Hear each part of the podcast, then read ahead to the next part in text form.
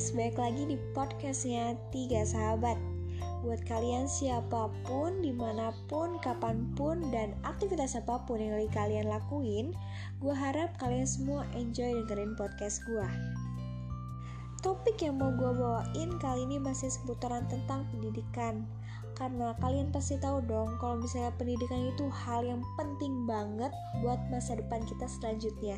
Pendidikan bukan cuma ngomong tentang sekolah, tapi apa yang kita terapin dan apa yang kita dapetin di dalam hidup kita. Ngomong-ngomong soal pendidikan, di Indonesia kan mempunyai beberapa tingkatan pendidikan, jenjang-jenjang pendidikan, mulai dari TK, SD, SMP, SMA, dan juga sampai kepada kuliah. Nah, sekarang gue mau ngomongin tentang jenjang pendidikan di SMA alias sekolah menengah atas. Kalian semua pasti tahu dong, banyak yang bilang kalau misalnya saat-saat atau masa-masa SMA itu merupakan masa-masa yang unforgettable alias gak bisa banget buat kalian lupain setelah kalian lulus nanti. Nah, dari itu makanya gue harap kalian pikir-pikir dengan baik. Kalian mau mau sekolah di SMA mana, apakah itu negeri atau swasta, dan kalian mau milih jurusan apa, IPA atau IPS. Kenapa gue bisa bilang kalian tuh harus bener matang mikirin mau IPA atau IPS? Karena menurut gue itu bakal ngefek atau ngaruh banget di saat kalian mau nentuin kalian mau kuliah di mana, mau ambil jurusan apa. Karena itu tuh merupakan basic dasar kita untuk masuk ke jurusan yang ada di jenjang kuliah. Gitu loh. Untuk masing-masing jurusan juga kelihatan banget loh perbedaannya dari mata pelajaran yang kalian dapetin.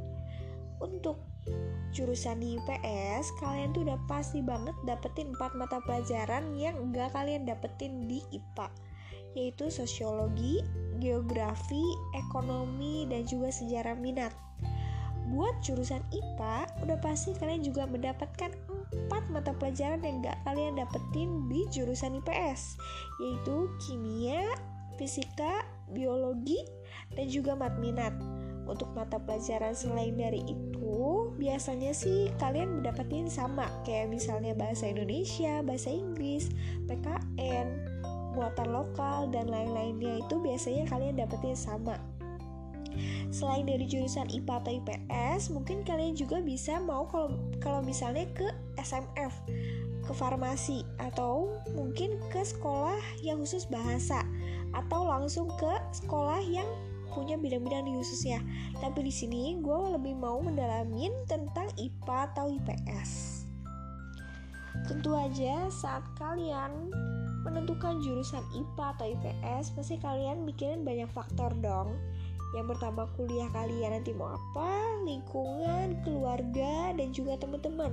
Kalian pasti mikir, aduh temen gue perginya ke sini. Nanti gue kalau misalnya ke sini nggak punya teman.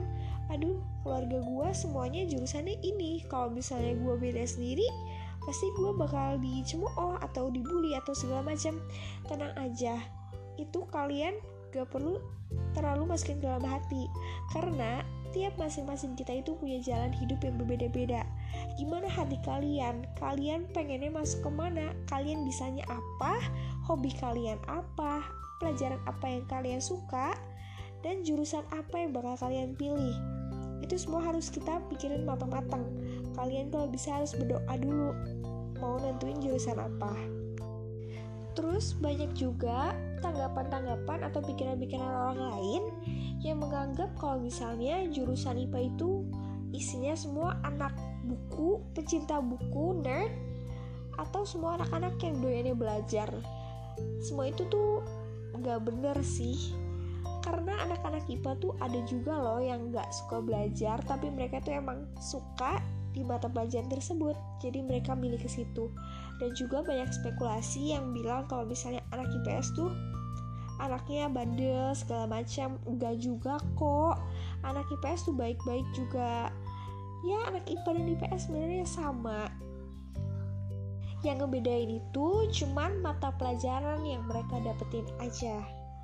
Oh iya. Sharing dari pengalaman pribadi gue juga nih ya gue kan ngambil jurusan IPA ternyata gak sesusah itu yang orang-orang bilang juga gitu kayak misalnya ini susah itu susah gue nggak bisa ini gue nggak bisa itu akhirnya gue lebih milih ini. Gak juga. Jadi kalau misalnya kalian emang suka interest walaupun kalian gak bisa kalau menurut gue sih lama kelamaan kalian pasti bisa. Kalian pasti bisa ngikutin kalian pasti bisa nemuin gimana sih cara logika berpikir dari anak-anak IPA kalian pasti bisa nentuin itu. Terus kalau menurut gue kan temen gue juga banyak yang di IPS ternyata anak-anak IPS juga asik-asik banget gitu loh. Pertemanan mereka, cara belajar mereka, semuanya asik-asik.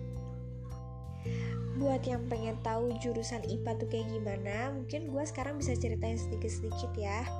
Jadi jurusan IPA tuh menurut gue asik, tapi kita dituntut untuk berpikir dan gak boleh malas karena gak bisa dipungkurin tugasnya tuh lumayan banyak banget ya mulai dari penelitian, project-project praktikum, terus pokoknya masih banyak lagi project-projectnya yang harus banget dipikirin matang-matang dan dikerjain dengan sungguh-sungguh. Terus kalau tips dari gua sih, kalau misalnya kalian lagi belajar, guru nerangin, catat semua apa pun itu. Karena percaya, guru nerangin misalnya jam 12, jam 12 lebih 5 itu tiba-tiba materi itu udah menguap semua itu yang terjadi sama gue jadi lebih baik setiap guru ngomong apa kalian tulis langkah-langkahnya itu gimana. Karena kalian tuh mungkin beberapa orang ada yang langsung apal banget gitu ya. Tapi ada beberapa juga yang begitu langsung guru ngomong langsung aduh ini tuh caranya gimana? Nah dengan kalian nyatet atau kalian nulis otomatis itu kan bakal ada dan kalian bisa ngeliatin itu terus. Itu untuk tips-tips yang hitungan terus kalau misalnya biologi nih yang banyak banget nama-nama ilmiah segala macam ini itu itu juga kalian harus rangkum sih kalau kata gue terus kalau kalian bisa juga kalian bikin jembatan keledai sendiri. Gimana cara ngapalin ini itu? Supaya kalian lebih gampang untuk ngapalinnya dan pas di saat dites kalian bisa.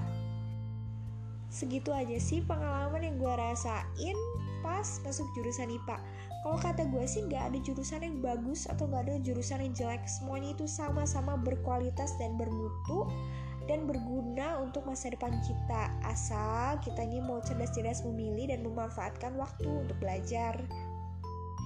Segitu aja yang bisa gue ceritain. Kalau misalnya kalian masih bingung kalian bisa juga nanya ke teman-teman kalian ke kakak kelas kalian yang udah SMA atau kalian bisa juga coba psikotes-psikotes yang ada di uh, internet gitu. Misalnya kalian cocoknya masuk ke IPA atau ke IPS itu biasanya ngebantu banget buat kalian nentuin kalian mau pilih jurusan apa. Oke okay, segitu aja. Thank you. Gue harap podcast gue berguna buat kalian. Bye. See you next time